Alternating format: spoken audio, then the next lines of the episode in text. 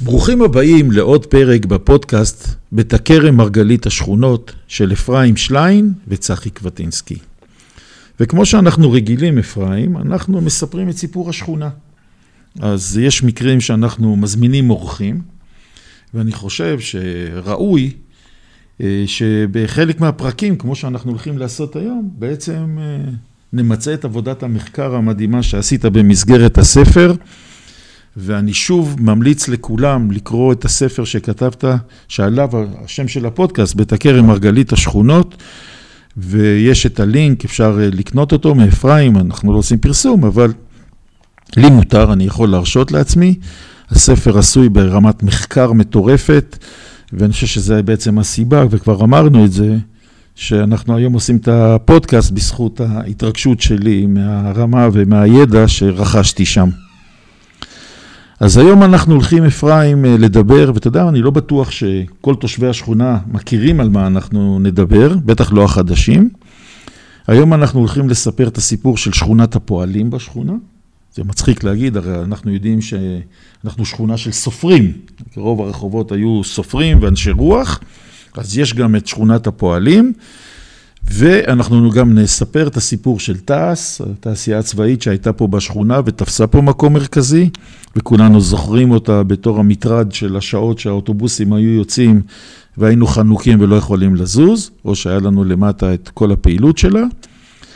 אז אפרים, בוא ככה, בוא תתחיל ותספר, היום הפרק כמעט כולו שלך. בוא תספר לנו מה זה שכונת הפועלים, על מה מדובר, ומשם נמשיך. טוב, אז אה, שלום לכולם.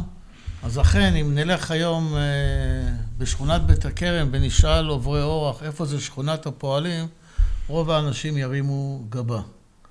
אבל אנחנו רגילים לגור ברחוב ולשאול אה, מה השם של הרחוב שלנו אומר. אז יש ארבעה רחובות בבית הכרם, שהציר המרכזי שלהם זה רחוב הבנאי. אבל יש את החוצב, הסטת, הסוללים, סוללים זה סמטה. סמטה, רחוב, גם חוצב זה סמטה, סטט כן. הוא לא... לא, חוצב כבר נהיה רחוב יותר לא, כזה. לא, לא נתווכח, אבל הארבעה הרחובות האלה הם בעצם סיפור של שכונה, שהיום היא חלק אינטגרלי ממה שאנחנו קוראים בית הכרם, בתחום השירותים של המינהל הקהילתי, אבל השכונה הזאת הייתה שכונה קטנה ומבודדת, שקמה כמה שנים אחרי הקמת שכונת בית הכרם, לא היה קשר עין, כמה שזה מפליא, בין בית הכרם לבתים שקמו ברחוב הבנאי והסוללים, שחלקם אפילו עומדים אה, עד היום. וזו שכונת הפועלים שהייתה שכונה עצמאית. נדבר קצת עליה. אם, אם, אם אנחנו רוצים ככה לעשות לאנשים סדר, מעבר לזה שאתה אומר הבנאי, שאנחנו יודעים שהוא רחוב ארוך, שמתחיל בגיא, נגמר בחלוץ, איפה היה הבית הכי קרוב לזה בבית הכרם הישנה, שאנחנו מדברים עליה? הבית הכי אה, צפוני של שכונת הפועלים היה הבית שעומד עד היום בחוב הבנאי 19. זה היה הבית של המוכתר של שכונת הפועלים, אדון אה, חלפוני וקסלר. אוקיי. אבל, אבל אה, בצד השני זה הבתים שנושקו במתחם תעש ברחוב החוצב, וברחוב הסטת למטה. וברחוב הסוללים היה, היו עוד איזה שניים שלושה בתים. בעצם כל מתחם ויצו הוא השטח שהיה מפריד בין בית הכרם לשכונת הפועלים. ניגע בזה גם אה, בהמשך, על הסיפור על החלבן. אבל אה, זאת הייתה שכונה שאם בית הכרם ספרנו אה, שבהקמתה, או כמה שנים אחרי הקמתה, היו בה בערך 70-80 בתים, ובערך 500 נפשות וקהל גדול, בשכונת הפועלים אנחנו מדברים על 27 בתים, 100 נפשות. זאת אומרת, משהו שלא היה בו גם סף כניסה לכל מיני שירותים, ולכן תמיד הם נקראו שכונת הפועלים על יד בית הכרם. נגיד האוטובוס, תכף אני, בוא, אני אתחיל, אני אספר איך היא קמה ו, ונגיע לזה. אז היא קמה, אתה אומר, עם בית הכרם שלנו, הישנה, כולה קמה, ואנחנו סיפרנו פה את הסיפור, 22, 23, מתי היא קמה? אז שכונת הפועלים אה, קמה בסביבות 29-30. המקימים שלה זה קודם כל מרדכי יגאל, שלתכף נספר עליו את הסיפור המיוחד שלו ושל אשתו חיה יגאל, שהם בעצם הקשר שלי לסיפור. אבל תכף נספר. לא, לא, אני אומר, זה הקשר שלי בגלל השותפות של יגאל עם סבא שלי יצחק. כן, אבל הרעיון הזה של שכונת הפועלים זה בנוי על האידיאולוגיה שהייתה באותה תקופה, שגם אה, בארץ ישראל הגיעו אנשי גדוד העבודה, והם, אה, אנחנו יודעים שגדוד העבודה, הם רצו עבודה עברית, והרבה מהם הלכו והקימו את ההתיישבות. אבל היה גם מה שנקרא אידיאולוגיה עירונית בגדוד העבודה, אני עושה את זה ממש בראשי פרקים, והם אה, פעלו להקים בתים לאנשים שיעבדו במקצועות שאנחנו קוראים להם היום של הפועלים, אם זה אינסטלטורים, אם זה חוצבים, אם זה בנאים, עבודת כפיים, והם יגורו בבית קטן בעיר עם פיסת אדמה, ויהיה להם את הקהילה, החיים הקהילתיים שלהם. זה קם בגבעתיים, כולם מכירים את שכונת בורוכוב המפורסמת, אבל בירושלים יש מתכונת של שכונת הפועלים שקמה עם בתים בוד... בודדים, כמו בבית הכרם. יש את מעונות עובדים, שזה כאילו בתי מגורים גדולים יותר, שקמו מעונות עובדים א', מעונות עובדים ב', ברחביה. אחר כך קמה גם חברת שיכון עובדים כדי לספק את זה, אז זה כבר שיכונים גדולים יותר באותו מתכונת של אה, מגורי הפועלים. אז אה, איך נולדה שכונת הפועלים כאן, ליד בית הכרם? הקהל שהקימו, הציבור שהקים את שכונת הפועלים, זה בעצם הרבה מהאנשים שהם באו ועבדו כאן בבית הכרם בגדוד העבודה. הרי בית הכרם קם על ידי אה, עבודה עברית, ואנשי גדוד העבודה, יחד עם סולל בונה, עסקו כאן בסלילת רחוב החלוץ, בבניית אה, הסמינר, אה, אולי בבניית כמה בתים, ואז הם התאהבו בקהל של אנשי, של, של אנשי בית הכרם, ואמרו, מתאים לנו. להקים את ביתנו באידיאולוגיה שלנו. בסמוך. ליד, ליד שכונת בית הכרם. אבל מי ארגן אותה? מי הגה את הרעיון? מי הראשון שהתאהב בשכונת בית הכרם? היו הזוג חיה ומרדכי יגאל. מרדכי יגאל הוא היה מהגליל, ומה שנקרא מאנשי השומר. דרך אגב, חיה ומרדכי יגאל קבורים בחלקת השומר בתל חי. הם חיו בחפציבה, הם חיו בקיבוץ חפציבה. הבן שלהם חי בחפציבה. גם הם, גם יגאל, אני הייתי מבקר אצלו. והם עברו כמה תחנות בארץ ישראל, והיה לו עניינים עם עלילת דם בגליל, ואז הוא התאהב באנשי גדוד העבודה, והם באו לגור איתם בפלוגת גדוד העבודה בגבעת שאול. אבל אנשי גדוד העבודה, כולנו יודעים, זה רווקים ורווקות, צעירים וצעירות, ופתאום באנשי גדוד העבודה יש משפחה. ולא יודעים איך לאכול את הדבר הזה שנקרא משפחה. אם הילדה מאוד חולה, וילדה אה, קטנה, אם חיה חולה מאוד, והיא צריכה עזרה, ויגאל הלך לעבוד כאינסטלטור בבנייה של אה, אוניברסיטה בהר הצופים, אה, הרווקות בגדוד לא ראו את עצמן מטפלות בתינוקת. הילד שלהם היה צריך להגיע העירה בשביל ללמוד, אלה הם ילדים כבר גדולים, היה צריך להגיע העירה בשביל ללמוד, אז הוא האחרון שעולה על הרכב שנוסע מגבעת שאול לעירה. אז לפעמים הוא לומד, ולפעמים הוא לא מספיק לעלות, ואז הולך ברגל לעירה, וחיה רועדת מפחד. אבל הסיפור שאני בדרך כלל נוהג לספר זה שמה שבר את חיה, איך אפשר לגדל ילדים בלי כוס חלב.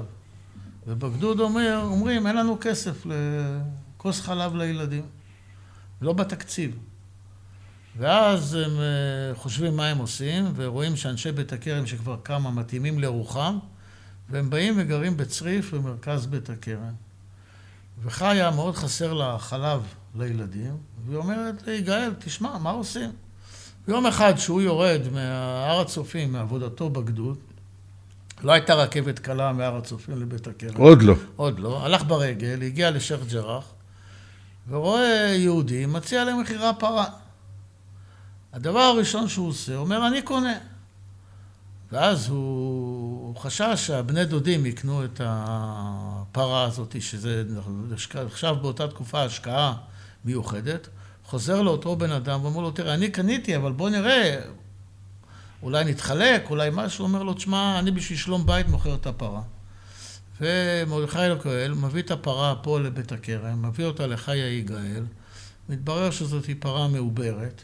שמיד ממליטה, גם כן באופן נדיר, שלושה עגלים, או, אבל יש כולסטרול ויש חלב, ויאללה, אפשר להתחיל לתת חלב לילדים, ולמכור חלב לשכנים, ואחר כך אה, היא אומרת לו, תראה כי טוב, אז הוא נוסע לבנימינה ומביא לה עוד פרה, וככה כבר הם יכולים למכור חלב לתנובה, ומשק חלב. ואז הם צריכים אה, להתמקם, והם רוכשים קרקע יחד עם יצחק וטינסקי, שהוא רוכש קרקעות, וקונים קרקע במקום שהיום רחוב הבנאי 13 ורחוב הבנאי 10, זה אחד מול השני. ובדבר הראשון שהוא בונה, את המבנה האיכותי שהוא בונה זה הרפת, והצריף שיהיה למגורים. וככה יש להם רפת, ואת החלב מוכרים לתנובה, ואת החלב מוכרים לאנשי בית הכרם, וחיה מאושרת מזה שיש חלב, מאושרת מזה שהיא רואה את הפרות בעמק, שהיום עובר בו כביש בגין, או אחר כך היה, היה בו קודם מתחם תעש, או כביש בגין, והכל טוב ויפה. ואז פורצות מאורעות תרפ"ט. ובמאורעות תרפ"ט אנשי בית הכרם עוזבים את הבתים ומתרכזים בסמינר.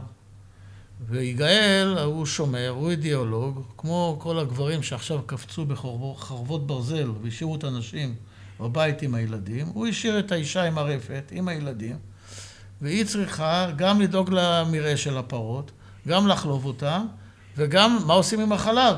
ליבה נחמץ אם החלב אה, יישפך. והיא לוקחת כדי חלב ועולה איתם עד לסמינר למזוג אותם לילדי בית הכרם. ובדרך נשפך חצי מהחלב. ואז היא עושה מעשה למורת רוחו של יגאל, מביאה את הפרות למבנה הסמינר. ובחצי מה... עוד לא, המבנה כבר היה גמור, אבל עוד לא מאוכלס, ואז בחצי מאולם הספורט יש את הפרות, בחצי השני הילדים, ומה שנקרא, מהפה של, מהעטין של הפרה לפה של הילדים, יש חלב לילדים, שזה הסיפור שגם הרבה מילדי בית הכרם זוכרים אותו כאירוע מכונן בחייהם. מי היה עם הפרות של יגאל בסמינר בתרפ"ט? ומי לא היה עם הפרות, כי ההורים שלו לקחו אותו העירה. זה היה ייחוס. אז ככה הם אה, אה, אה, הקימו את הרפת, ואחר כך הצטרפו אנשי גדוד העבודה האידיאולוגיים, וקמה שכונת הפועלים.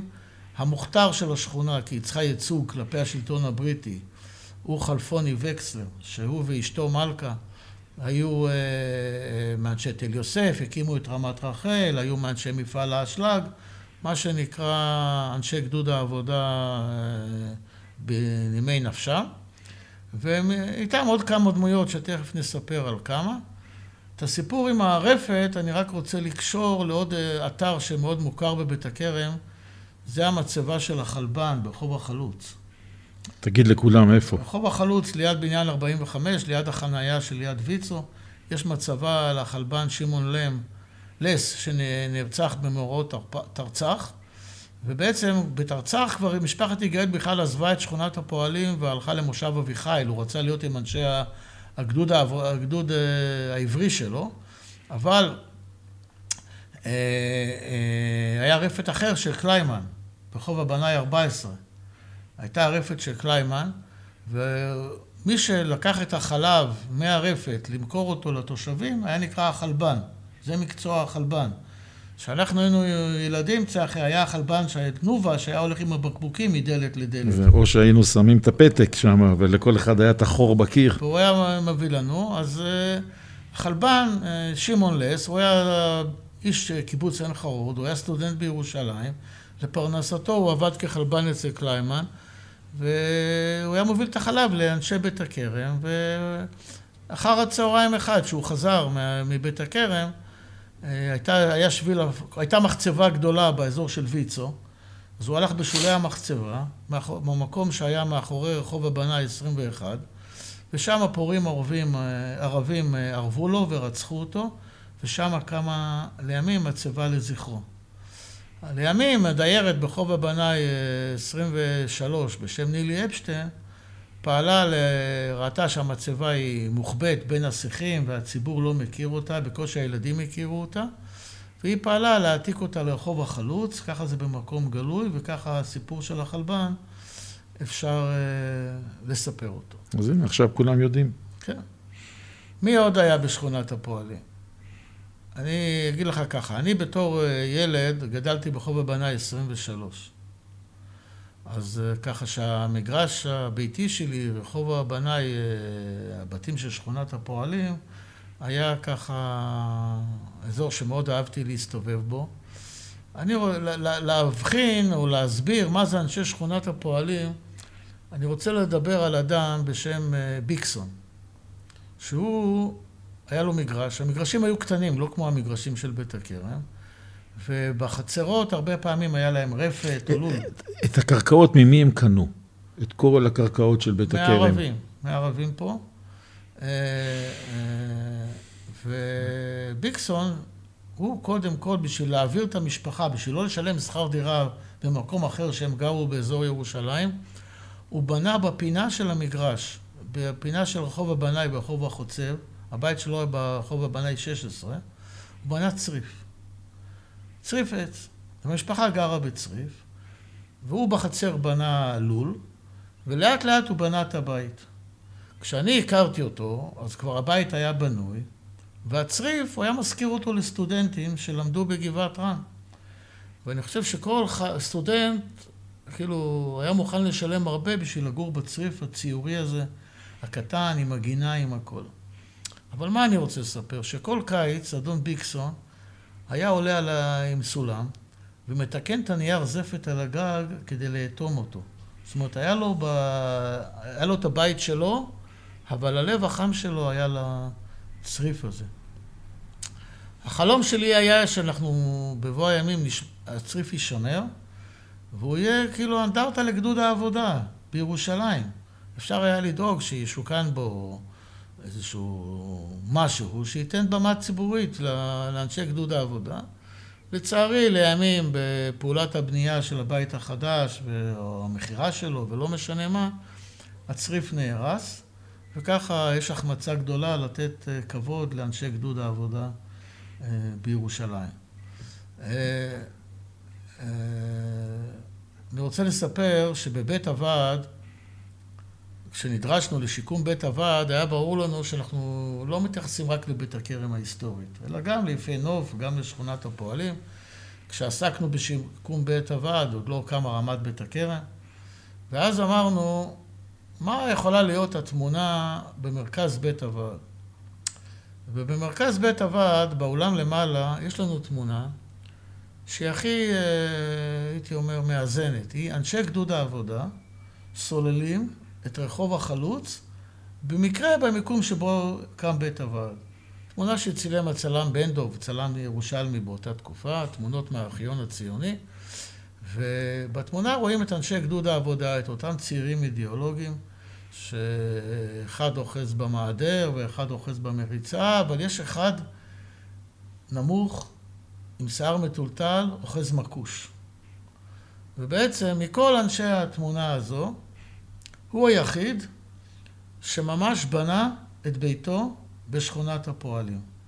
בתמונה יש גם... אה, מי זה? תגיד, מה שמו? רגע, שכף. בתמונה יש גם את אה, פסח הרפז, שאנחנו מכירים את הבן שלו, ניסן הרפז, ואת הבת שלו, חנה אבישר, שגרו כל השנים בבית הכרם. אני לא בטוח שהצעירים, מעבר לשם של הרחוב, יודעים מי זה היה ניסן הרפז. אז, אז אולי תגיד להם. עוד יום אחד יגיע ונארח פה את רפי הרפז אולי. בכלל, אנחנו מזמינים... אה, ציבור שרוצה לבוא ולספר, הבמה שלנו פתוחה, אנחנו, זה, זה המתכונת של השידורים שלנו. כן. ובאמת, אנחנו חוזרים ופונים. אבל מי זה אותו בחור צעיר עם שיער מטולטל עם המכוש? קראו לו גלדשטיין. והוא לימים בנה את ביתו ברחוב הסטת 11, ואחר כך הרחיב את הבית, והיה גר מעליו הבן שלו אהרונצ'יק גילשון, והיום גר בבית הנכד שראל גלשון עם אשתו יהודית, וגרה היום בבניין הנכדה רוני גלשון, ויש לה כבר ילדים בגיל חטיבת ביניים. זאת אומרת, יש לפחות חמישה דורות של משפחת גלשון שגרים ברחוב הסטת 11, כבר עוד מעט זה יהיה, היום זה 90 ומשהו שנים, עוד מעט זה יהיה 100 שנים של רב דוריות של משפחה בשכונת הפועלים. יפה. אז מעבר לטרול... איך אומרים? הלך והצטלם עם המכוש. אבל הם לא יכולים להשיג את משפחת שליין. לא, עזוב, יש להם, לא, יש להם יותר דורות. גלשון, לנו אין אה, כל כך הרבה, לנו יש רק ארבע דורות במגרש, להם אין חמש. מבחינת שנים? אבל, אבל אני בא, הוא הלך והצטלם באיזה צילום שבא צלם, עשה פוזה עם, עם המקרוש, והנה עכשיו הוא המר, המוקד, הוא הצנטרום של התמונה המרכזית בבית הוועד, ותמיד אפשר לספר עליו. אה, אני רוצה גם להגיד שבבית הוועד יש לנו את השמות של המשפחות שחיו בכל אחת מהתתי שכונות האלה עד קום המדינה. זאת אומרת, גם אם אה, מישהו חי בשכונת הפועלים ומכר ונכנסה משפחה אחרת, לא היה חשוב לנו בדיוק מי המייסדים, אבל אפשר לבוא ולראות שם את המשפחות, ורואים גם בכמות המשפחות כמה היא קטנה ביחס לבית הכרם. אני רוצה לספר על הבן אהרונצ'י גילשון, שהוא במלחמת השחרור הלך לשבי הירדני. וכשאני עוסק במחקר של בית הכרם ואוסף אה, כל יום כמעט משהו אה, חדש, לקראת הספר הביא לי שראל ציורים שאבא שלו צייר בשבי הירדני. ואלה ציורים שאני מראה בספר. הוא ישב בשבי וצייר מהזיכרון את שכונת הפועלים בצבע. ואני בזכות הציורים האלה, יכול, ולהצליב אותם יחד עם מפות, יכול להתחיל לשחזר את הנוף של שכונת הפועלים ב-48. חוץ מהספר, יש עוד מקום שיכולים לראות את זה? אצל שראל. שראל גר ברחוב... אה, יש גם בחזית הבית, יש שלט שהמועצה לשימור אתרים שמה. זאת אומרת, אה, גם המועצה לשימור אתרים שמה שלט ליד הבית של חלפוני. אה, אה, זאת אומרת, הכבוד לאנשי מייסדי שכונת הפועלים הוא ניחן גם היום ברחובות שאתה הולך ברחוב הבנאי, גם השלט למשפחת יגאל. זאת אומרת, המורשת נשמרת. אבל יש בן אדם שכתב בספר הביוגרפי שלו, שנקרא בסוד חוצבים ובונים, את המשפט הבא: אני גאה בכך שאני חי כל חיי בשכונת הפועלים. כשאני כותב את כתובתי, אני רושם תמיד, שכונת הפועלים. אני רואה בכך ייחוד. זה מבטא את השקפת עולמי, לחיות בשכונת הפועלים. האדם זה מרדכי איש שלום. מרדכי שלום אנחנו מכירים בבית הכרם את הכביש העוקף אותה ממערב, נקרא אה, כביש אי שלום, או דרך אי שלום, מצומת פרבשטיין לצומת אה, שדרות הרצל, יפה נוף. אבל מרדכי שלום, הבית שלו היה בחלק הכי מזרחי של שכונת הפועלים, במקום שנקרא רחוב החוצב, רחוב החוצב חמש. לצערי, גם הבית הזה אה, נהרס. והייתי אומר, מרדכי שלום במובן הזה הוא קצת כמו רבי יהודה הלוי. הוא אומר, ליבי במזרח ואנוכי בסוף מערב. הבית שלו זה במזרח שכונת הפועלים, שזה הנשמה שלו, אבל הוא מונצח בחלק המערבי של שכונת בית הכרם. ומרדכי שלום כתב בספר הביוגרפי שלו איך זה היה לבנות את הבית, איך זה היה לחיות פה בכלל. מים, הרי אמרתי לכם, שכונת הפועלים הייתה ליד בית הכרם.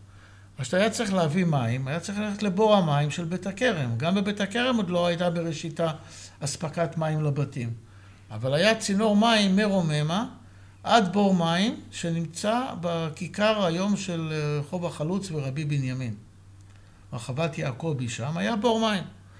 וכל מי שרצה מים היה הולך ולוקח מבור המים. אז הוא מתאר איך הוא סוחב בפחים מים משם עד רחוב החוצב כדי שיהיה מים למשפחה.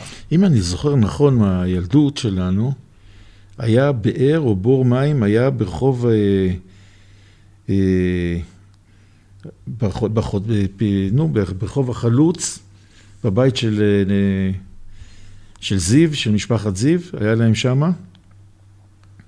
לא... אני זוכר את זה שהיינו הולכים לשם. לא... היה הבית הפינתי שמה, לא... על, על רחוב החוצב. הבית של אצל עמית זיו, יכול להיות שהיה גם שם בור... היה שם, בור, אני למיטב זיכרוני, היה שם בור מים.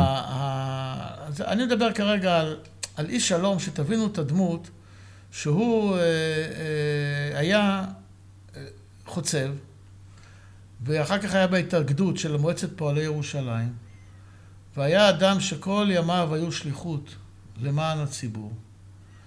ולימים הוא גם היה ראש העיר ירושלים. וראש, העיר- כשהוא היה ראש העיר ירושלים, אני הייתי ילד שגדל ברחוב הבנאי, הייתי בערך בגיל אה, 4-5, זה היה לפני מלחמת ששת הימים, וראש העיר, קודם כל אני אגיד שכשהוא מונה לראש העיר ירושלים, באו אליו מהדיור הממשלתי, ואמרו לו, בוא תיקח בית בטלביה, ראש העיר שיגור בדירה מכובדת בטלביה. הוא אמר להם, אני ראש העיר ירושלים, יגור ברחוב החוצב, בבית שבניתי ברחוב החוצב. אבל ראש עיר עורך אה, מדי פעם אירועים ציבוריים. אה, מקבל אה, רמי עולם בביתו. ואז קשה קצת להסביר את זה במונחים של היום. היה מגיע שוטר עם וספה וסוגר את רחוב הבנאי בצד אחד, שוטר עם וספה שסוגר את רחוב הבנאי בצד של, רמת, של גבעת בית הכרם, וכל מכובדי עולם הלכו ברגל ברחוב הבנאי וירדו בסמטה ברחוב החוצב, שאפילו רוטו לא יכול להיכנס בה. אתה מבין שלי לא הייתה את החוויה הזאת שאני גרתי בחלק העליון של השכונה. אתה גרת במקום מכובד, לא בשיכון. אבל... אני, ה- אני אפילו לא זוכר את זה בתור אבל ילד. אני אומר, זה, ואני אפילו, היה לי, הסבא שלי, גדליה יערי, שהיה חבר שלי שלום, גם כן לקח אותי כמה פעמים, ככה, היה בא אלינו הביתה, לוקח אותי, נותן לי יד, ואני יורד לרמי עולם. הכל היה עממי, פשוט, זה היה איש שלום. אני זוכר שביקרתי אותו בביתו בשנים האחרונות, שזו הייתה חוויה יוצאת מן הכלל, לבקר בבית שלו, לדבר איתו, לשמוע ממנו. העשייה שלו למען ירושלים היא לא תסולא בפז, כי הוא עשה במחצית שנות ה-60. אבל אחר כך פרצה, טדי קולק החליף אותו, ופרצה מלחמת ששת הימים. וכל תהילת ירושלים של סוף שנות ה-60 זה של טדי קולק. כן. אבל אם אנחנו נחשוב על יד יצחק בן צבי ועל תיאטרון החאן ותיאטרון ירושלים ומוזיאון ישראל ועוד הרבה הרבה הרבה דברים בירושלים, זה טביעת אצבע של אה, מרדכי איש שלום, שאת הכל הוא הגה ועשה מביתו הקטן ברחוב החוצב חמש בקצה שכונת בית הכרם. גם הבת שלו הייתה אשת חינוך, חדווה איש שלום הייתה אה, מורה הייתה מיתולוגית. מנהלת, הייתה מנהלת שהקימה את בית ספר דנמרק. כן. בטח עוד... הייתה עוד- אישיות עוד מדהימה. עשתה הרבה מאוד אה, אה, אה, בחינוך. גם בצניעות גדולה. כן, אני זוכר אותה עד, ש... עד שנותיה המבוגרות, היא הייתה גם פעילה בהנהלת המינהל הקהילתי, ותמיד כמו אבא שלה, מתוך המחשבה על הציבור, כן. על, על טובת אה, הכלל. אבל מרדכי איש שלום, בגאווה רבה, הוא גם כן אה, מושג של היום, קצת קשה להגיד, אני אחראי. אז הוא כותב בספר איך הוא אחראי להקמת מפעל תעש בצמוד לביתו בעמק של שכונת בית הכרם. מה שהיום אנחנו מכירים כמתחם תעש, ואולי בגלל הבעיות הסביבתיות שהתגלו מפעילות המפעל, אנשים לפעמים חוששים לחצות את המתחם הזה, ואנחנו לא יודעים מה יהיה בעתיד המתחם הזה, עם טיהור הקרקע, לא טיהור הקרקע. אה, בעצם מרדכי איש שלום, שהוא דאג כאיש מועצת הפועלים לפרנסה בירושלים. וכשקמה מדינת ישראל, הייתה שאלה, וירושלים אה, עיר, עיר בירה, איפה יעבדו האנשים? ובאותה תקופה היה, יצא מהמחתרת מה שנקרא התעש המחתרתי. כי התעשייה הצבאית פעלה בתקופת הבריטים בכל מיני מרתפים ובכל מיני מקומות מסתור, והיה על זה גם אה, בזמנו חשד, שאולי בגלל... הם יבדקו לפי צריכת החשמל הבריטים, איפה המקומות המסתור. וגורמי המדינה ישר אמרו, צריך להוציא את התעשייה הצבאית מירושלים, כי זה יושב על הגבול. ואנשי חיל אוויר ואנשי מודיעין עסקו בניתוח המרחב, ואמרו, אין מקום שאפשר להקים בו את אה, שכונת הפועלים. את, אה, את מפעל- תעש. את מפעל תעש. ומרדכי שלום אמר להם, תראו, ליד הבית שלי יש עמק שהוא חבוי. מוגן בהר מצד שני, מוגן מפה. מגבע, מוגן... אה, גבעת רם. מקום. עוד לא הייתה גבעת רם. לא, ההר שעליו גבעת רם. ובואו תבדקו את המקום הזה, ובעצם הוא הביא עליו ועלינו את המפעל של התעשייה הצבאית. עכשיו, איפה יקום היום איש ציבור, תושב, אבל גם איש ציבור, שיגיד בואו תקימו ליד הבית שלי מפעל, על כל ההשלכות הסביבתיות, שאז לא חשבו עליהן כל כך. וכולנו זוכרים שהמפעל התחיל לעבוד בשבע בבוקר, ומשמרת נגמרה... מה זה זוכרים? אי אפשר היה לנסוע בשכונה ולצאת. והיה הסעות לעובדים, והיה טור אוטובוסים נכנס, וטור אוטובוסים יוצא ברחובות של בית הכרם. אבל גם העשייה עצמה, היה שם רעש מהמכונות. ו... והכלבים בלילה. והשמירה הייתה שמירה היקפית מאוד מאוד מחמירה, שלא יכלנו להסתובב בעמק כל כך בקלות. גם היה גידור, כלבים, כמו שאתה אומר, זה היה נשמע מאיים. אנחנו ניצלנו את זה הרי בצופים, היינו עושים אש לילה. אז כשהיינו עושים פרוז'קטור, באמת היו מאירים עלינו פרוז'קטורים, היינו רצים מסביב וזה, ויום אחד עצרו אותי שם, וכשהייתי עם הכלבה שלי, חשדו שגנבתי כלבה לשמירה. כן, זה היה שמירה חמורה שם. הייתי אומר שבמפעל תעש היה גם בית ספר תיכון שלמדו בו נערים. הייתי אומר שהשכונה קיימה אה, דו-חיים, דו-קיום. עם uh, מפעל תעש, יש גם הרבה מהנדסים שעבדו בתעשייה הצבאית ובאו לבנות את ביתם בבית הכרם. לא רק מהנדסים, גם קודמת, עובדים. פעם קודמת הקלטנו את נעמי שוט, שהייתה ספרנית במפעל תעש. אז uh, חיינו עם המפעל הזה עד שבשנות ה-90 הייצור במפעל כבר לא עמד ב... ביכולות ייצור, בסטנדרטים, במה שהיה צריך. והוציאו את המפעל, ועל אדמותיו חלק מהם אה, קם כביש אה, בגין, וחלק עוד אנחנו לא יודעים בסימן שאלה מה יהיה שם. האם זה יהפך לשטח ירוק? האם זה יהפך לשטח צריך בנייה? להסביר שהשמנים וכל החומרים שחלחלו שם לאדמה והרעילו כן, אותה... כן, אבל רגע, רגע, תכף ניגע בזה, אבל לפני זה, היום, אם, אם מינהל מקרקעי ישראל, או היום רשות מקרקעי ישראל, פרעה את השטח של, של המפעל בכסף כדי לטובת הקמת מפעל אחר, היא לא תהפוך אותו, תיתן אותו לציבור כשטח ירוק בחינם. והיה לה כבר תוכנית לבניית אה, בערך 200 יחידות דיור במתחם, התושבים התנגדו. בינתיים על נושא איכות הסביבה העסק תקוע, ואני לא יודע עכשיו עם כל מה שמתוכנן בירושלים, אם לא יקומו שם מגדלים של 45 קומות, או שזה יהפך לשטח ציבורי פתוח. התוכנית של כביש בגין אה, אמרה שבבוא היום השטח אה, של פארק שחר, שאנחנו מכירים, אותו מרחוב רבי בנימין עד סוף רחוב הבנאי, אה, עתיד להשלים אותו גינה גם לרגלי רמת בית הכרם. וכל התוכניות של רמת בית הכרם, השטח הזה תמיד סומן כשטח ירוק. כאן יהיה השטח הירוק של רמת בית הכרם. כשנדבר על רמת בית הכרם נסביר שהקימו בשטחים כל השטחים הירוקים שלה גנבו. שערי צדק גנב, פה גנבים לנו, ככה שזה קורה. אז מתחם תעש זה אי שלום. לימים עלתה השאלה של בעיות סביבתיות עם החומרים שחלחלו, גם ממתחם תעש, גם ממעבדות הכימיה של האוניברסיטה העברית. כן יהיה בינוי, לא יהיה בינוי, ניקו את השטח, כל זה זה נושא שאני לא התעסקתי איתו, אבל אם ירצו אנשי מתחם תעש בבוא היום לבוא ולספר לנו, אז אה, נמצא את, ה... את הבמה, אפילו להקדיש פרק מיוחד, גם על העשייה של מתחם תעש וגם על הפירוק שלו. תגיד לי, מתי השכונה, שכונת הפועלים התחברה ממש, אה, מתי היה המצב שהם התחברו לגמרי לתוך השכונה?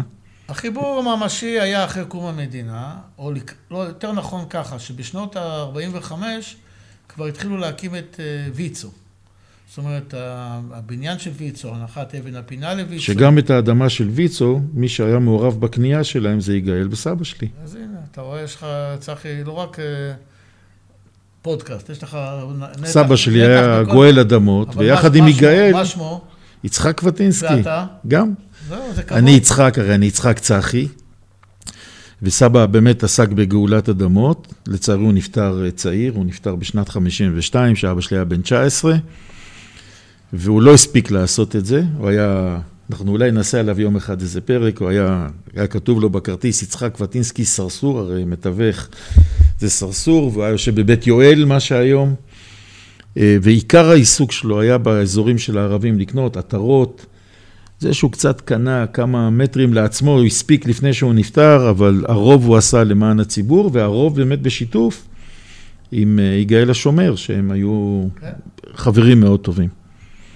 אנחנו אומרים, הדור שחשב על הכלל, קודם על הכלל ואחר כך על עצמו. אז אה, אה, עכשיו, תראה, שכונת הפועלים, אה, אה, היא לא הייתה גדולה.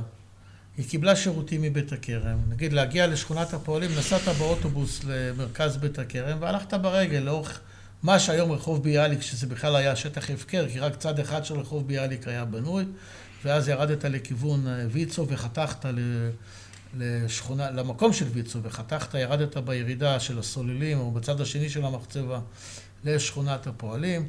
החינוך היה בבית הכרם, היה להם... אה, צריף של מחנות העולים שהיה היה בשכונת הפועלים, אבל מכולת הייתה בבית הכרם. כל השירותים זה, וגם מבחינה חברתית ותרבותית וחינוכית, התאימה לאנשי אה, אה, שכונת הפועלים הרוח של שכונת בית הכרם. ואיך אנשי בית הכרם קיבלו אותם? אני חושב שקיבלו אותם כחלק מהכלל, לא היה... אני לא שמעתי ב... בתחקירים שאני עשיתי בשלושים שנים האחרונות, איזה חשש של קיפוח, של אפליה, של דברים כאלה. כשנדבר על, נעשה פרק על שכונת יפה נוף, שם הייתה רוח אחרת. וגם בתוך התושבים עצמם. וזה נושא שהוא מאוד מעניין. אז כשהיינו ילדים, זה, היינו, מש... היה כאילו, היה שכונת יפה נוף ושכונת בית הכרם. כשאנחנו היינו ילדים בשנות ה-60 ושנות ה-70, השיוך בית הכרם או יפה נוף היה יותר על רקע בית הספר. אבל למשל... למרות ב... שאני למדתי בית ספר יפה נוף. אתה למדת ביפה נוף, ומחצית ילדי רחוב הבנאי הלכו ללמוד ביפה נוף. זאת אומרת, הרבה פעמים, אם האח הגדול שלך התחיל בבית הכרם, המשכת בבית הכרם. אבל אם אתה כבר נכנסת ל... אנחנו כל האזור של ברכיהו וזה, היינו שייכים ליפה נוף. אבל הרבה מילדי אה, שכונת הפועלים הלכו ולמדו ב... אה, ביפה אה, נוף. תגיד לי, אם כבר אנחנו עוסקים באזור הזה של השכונה, ואנחנו יודעים שיש את המבנים, את השיכונים של גבעת בית הכרם, נכון שנדבר עליהם בנפרד, מתי הם קמו? הם קמו בסוף שנות ה-50 עד תחילת שנות ה-60. זה אולי יום אחד נעשה פרק על בית הכרם. בנפרד. שיכונים, שיכונים סביב לה. אם אני כבר מדבר על, ה, על החלק של רחוב הבנאי, אני אגיד שהשיכונים של הבנאי 25, 23, 21, הם קמו גם כן בראשית שנות ה-60 ותפרו את המרחב בין רחוב הגיא לרחוב הבנאי לבית של חלפוני. אבל אולי ככה נספר שליד שכונת הפועלים וליד בית הכרם נכניס עוד איזה בית אחד שאי אפשר להקדיש לו פרק מיוחד. זה רחוב הבנאי 34, הבית של מרטין גולדשמיט. עד היום הבית הזה קיים, יש גם שלט של שימור אתרים ליד הבית, ומרטין גולדשמיד הוא היה הידרולוג, והוא היה הידרולוג של ממשלת המנדט. וכשאנחנו היינו ילדים ברחוב הבנאי והיינו משחקים כדורגל, והכדור היה נופל למגרש שלו, כל ילד שהיה רץ בגנב להביא את הכדור, כי תמיד פחדנו, היה, הייתה שם בריכה, בור מים, לא בריכה, בור מים, ומעליו היה מתקן מתכת, וכל ילד היה רץ, נותן איזה שאיבה במים, והיו יוצאים מים מה, מהבור. ויום אחד אה, מרטין גולדשמיד נמאס לו, אז הוא פירק את המשאבה. ואני ידעתי, והוא גם, אה, ואשתו היו אה, דמויות מאוד ציוריות ברחוב הבנאי, היו אנשים מבוגרים מאוד ציורים. ב-68 ירד שלג, שהפתיע את כולנו, ואז הזוג גולדשמיד נכנס למחסן שנמצא בחלק של רחוב הבנאי, בגובה של הרחוב, נכנס למחסן, מוציא מגלשיים ומתחיל ללכת עם מגלשי סקי ברחוב הבנאי. מי יכל לחלום בכלל שיום אחד ירד שלג ועוד שיהיה לך מגלשי סקי. אבל מה אדון גולדשמיט מאוד, לימים שבגרתי והתעסקתי בתכנון המדינה והלכתי לימי עיון, ופתאום באיזה כנס של אה, איגוד מהנדסי מים, מישהו מתחיל לדבר על מרטין גולדשמיט. ואני מושך בשערות ואומר, מה, מרטין גולדשמיט כבר נפטר לפני שנים, מה הוא מעלה אותו מהאוב?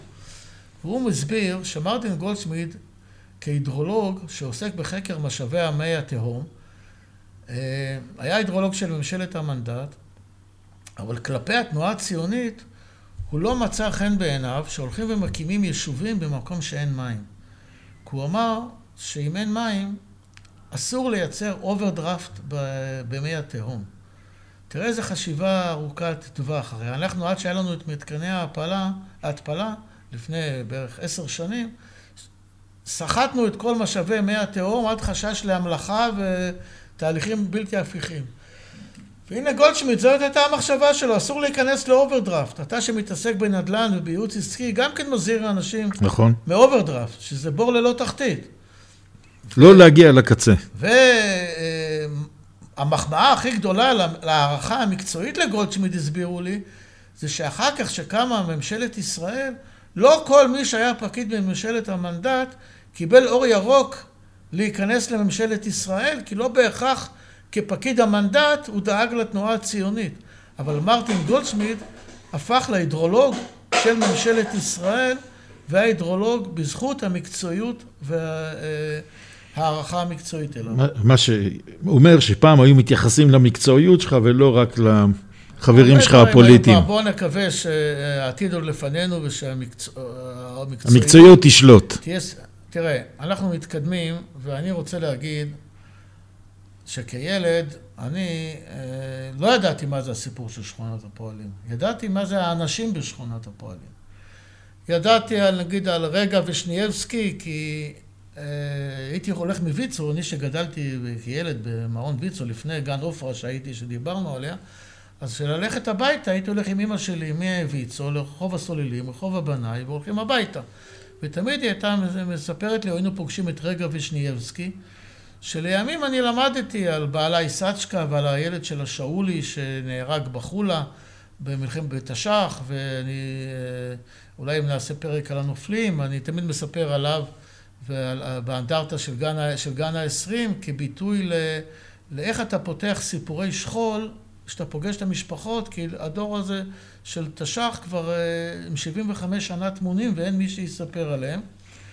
אבל האיש שבשבילי הוא היה אהבת חיי ב... בשכונת הפועלים בתור ילד, זה הוא והיא אה, נוח והניה מריאסיס. הם אה, בתור ילד קטן, הייתי הולך אליהם, והם מאוד אהבו אותי, לא היה להם נכדים באותה תקופה, והילדים שלהם היו צעירים יותר מההורים שלי, והם לקחו אותי, והוא לימד אותי לעבוד בגינה עם המקוש ועם המעדר, ומאוד אהבתי את זה. ופירות, היה להם שזיפים ופירות ממש אה, ככה עסיסיים, אבל הוא לימד אותי לכתוב סברס. Hmm. תשמע, זה סברס, זה היה אה, אה, אהבת חיי עד היום, ובתור ילד הייתי הולך אליהם עם דלי מהבית. עולה במדרגות של, לכיוון הבית שלהם ברחוב אה, הבנאי 15. ככה נזהר אם הם לא נחים צהריים ואני דופק בדלת. ונוח, הוא היה כזה שמנמן, נמוך, אדם בריא כזה, והוא אה, היה לוקח אותי לטרסה של הסברס, והיינו מביאים את אמות עם הפח. עם הפחית בקצה. שהיינו, אה, לא היה פחיות של קולה אז, להשיג פחית קטנה זה היה קשה. וקוטפים את הסברס ומגלגלים אותו על עם הטאטא, ואחר כך שוטפים אותו במים, וככה מנקים את כל החקוצים, וככה לימד אותי גם לקלוף אותו. ושנים אחר כך, בכל מקום שהייתי, אני הייתי האיש של הסברס. גם אני. שזה, ועד היום. אני, כל מחנה קיץ שלנו בצופים, אני הייתי אני זה שכותב. אני הייתי אוהב ללכת, שהייתי בקיבוץ, שהייתי בצבא, בכל מקום יש סברס, חבר'ה רועדים סומרות שערותיהם את זה שהם חושבים מהקוצים, ואני יוצא ככה נקי, מביא לכולם את הפרי העסיסי והמתוק הזה. אני רוצה לספר ש... שהדמות הזאת של נוח, מריאסיס, הוא, הוא נפטר כשאני הייתי בטירונות בצבא. וכשכתבתי את ה... הדרכתי, ואחר כך כשכתבתי את הספר, חיפשתי תמונה של נוח מריאסיס. ולא היה לי, והרגשתי, משהו חסר לי, משהו חסר לי. ויום אחד, ישבתי עם יעקב מימרן ממשרד התשתיות, בענייני עבודה, והוא אומר לי, בוא תכיר את, יושב מולי, יוסי לנגוצקי. יוסי לנגוצקי הוא הגיאולוג שכולם מכירים אותו מקידוחי הגז. כן. הוא היה בסיירת הירושלמית, והוא... ואני אומר לו, תשמע, כל הכבוד לך שאתה עם הגז, אבל אותי מעניין סיפור אחד. אתה פרסמת מאמר על מפעל האשלג בים המלח, ובתמונה ב... יש את נוח מריאסיס. ומתברר שנוח והניה מריאסיס, הם היו במפעל האשלג בבית הערבה שם, הם גרו שם, ועזבו ב-48, ובעצם הם באו לבית הכרם רק ב-48. והמגרש שלהם הוא לא מהראשונים של שכונת הפועלים. ואחר כך חזרתי למפות, ונכון, אין שם מגרש. אבל בשבילי, נוח מריאסיס הוא שכונת הפועלים בזכות הסברס שלמדתי לקטוף אצלו. אפרים, תקשיב. אנחנו יכולים להמשיך לדבר על השכונה, ואתה יודע, אני יושב מרותק כאן, ובתור מישהו שגדל פה בשכונה, ואתה עומד בצדק, אנחנו לא ידענו כל כך את ההבדל, ידענו שיש רחובות, והיה באמת חריג שפתאום בשכונה של כל השמות סופרים, פתאום יש לנו הבנאי, הסול... זה משהו שלא עובד, אז ידענו שיש שכונת הפועלים, אז הנה, גם עכשיו, בגלל זה ישבתי כל כך בשקט והקשבתי לך, גם עכשיו אני יושב ונפעם מהידע, ונכון שחלקו קראתי בספר, אה, וזה היה מדהים, אז... אה, עוד סיפור קטן אחד לך, יאללה. אותו להבוקר. כי מה, רגע לפני שנפגשנו, דיברנו שאתה ראית אתמול בטלוויזיה, ואני ראיתי הבוקר בטלוויזיה, את פרופסור עמיתי זיו, שהוא מנהל הבית החולים השיקומי של אה, שיבא, של כן. מרכז רפואי שיבא. אז שכונת הפועלים שלנו, צחי, זה לא הדור של המייסדים, זה מי שגדל בשכונת הפועלים. הוא גדול מאיתנו בשנה. שאנחנו היינו ילדים, כן? ועמיתי זיו, הוא גדל, איך קראנו לו עמי, ברחוב הבנאי 18. הוא הילד הקטן במשפחה של זיו, הם ארבעה ילדים שם. וב-68' היה בישראל מבצע. היה צריך לגייס כסף למען הפנטום. ועמיתי זיו ואני התחלנו לקטוף סברס בכל החצרות של שכונת הפועלים כדי למכור את זה ולגייס כסף לקנות את הפנטום. וואלה. ושלחנו 18 לירות למשרד הביטחון כדי לקנות את הפנטום. אפילו קיבלנו מכתב תודה ממשרד הביטחון. ואחר כך הוא טס באחד כזה? אני לא, אחר כך הוא גמר קורס טייס, הוא מהמחזור של רון ארד, הוא טייס, רופא מצליח, אבל הנה, גם את סיפור בני שכונת הפועלים זה לא רק דור המייסדים, זה גם דור מוצלח למי שגדל בשכונת הפועלים. אז כל הכבוד, עמי, גאים בך. יופי, אז אנחנו נעביר לו גם את הפרק. ותודה רבה, אפרים, שאתה מעשיר אותנו והשארת אותי באופן אישי. לי זה תענוג, זאת אומרת, כל הפרויקט הזה שאנחנו עושים פה, זה ממש, זה משהו שאני אפילו מעדיף על הפודקאסט נדן בשידור שלי, בגלל שזה חלק מהנשמה שלנו. ותודה רבה, ואנחנו נמשיך בפרקים הבאים. נמשיך. תודה.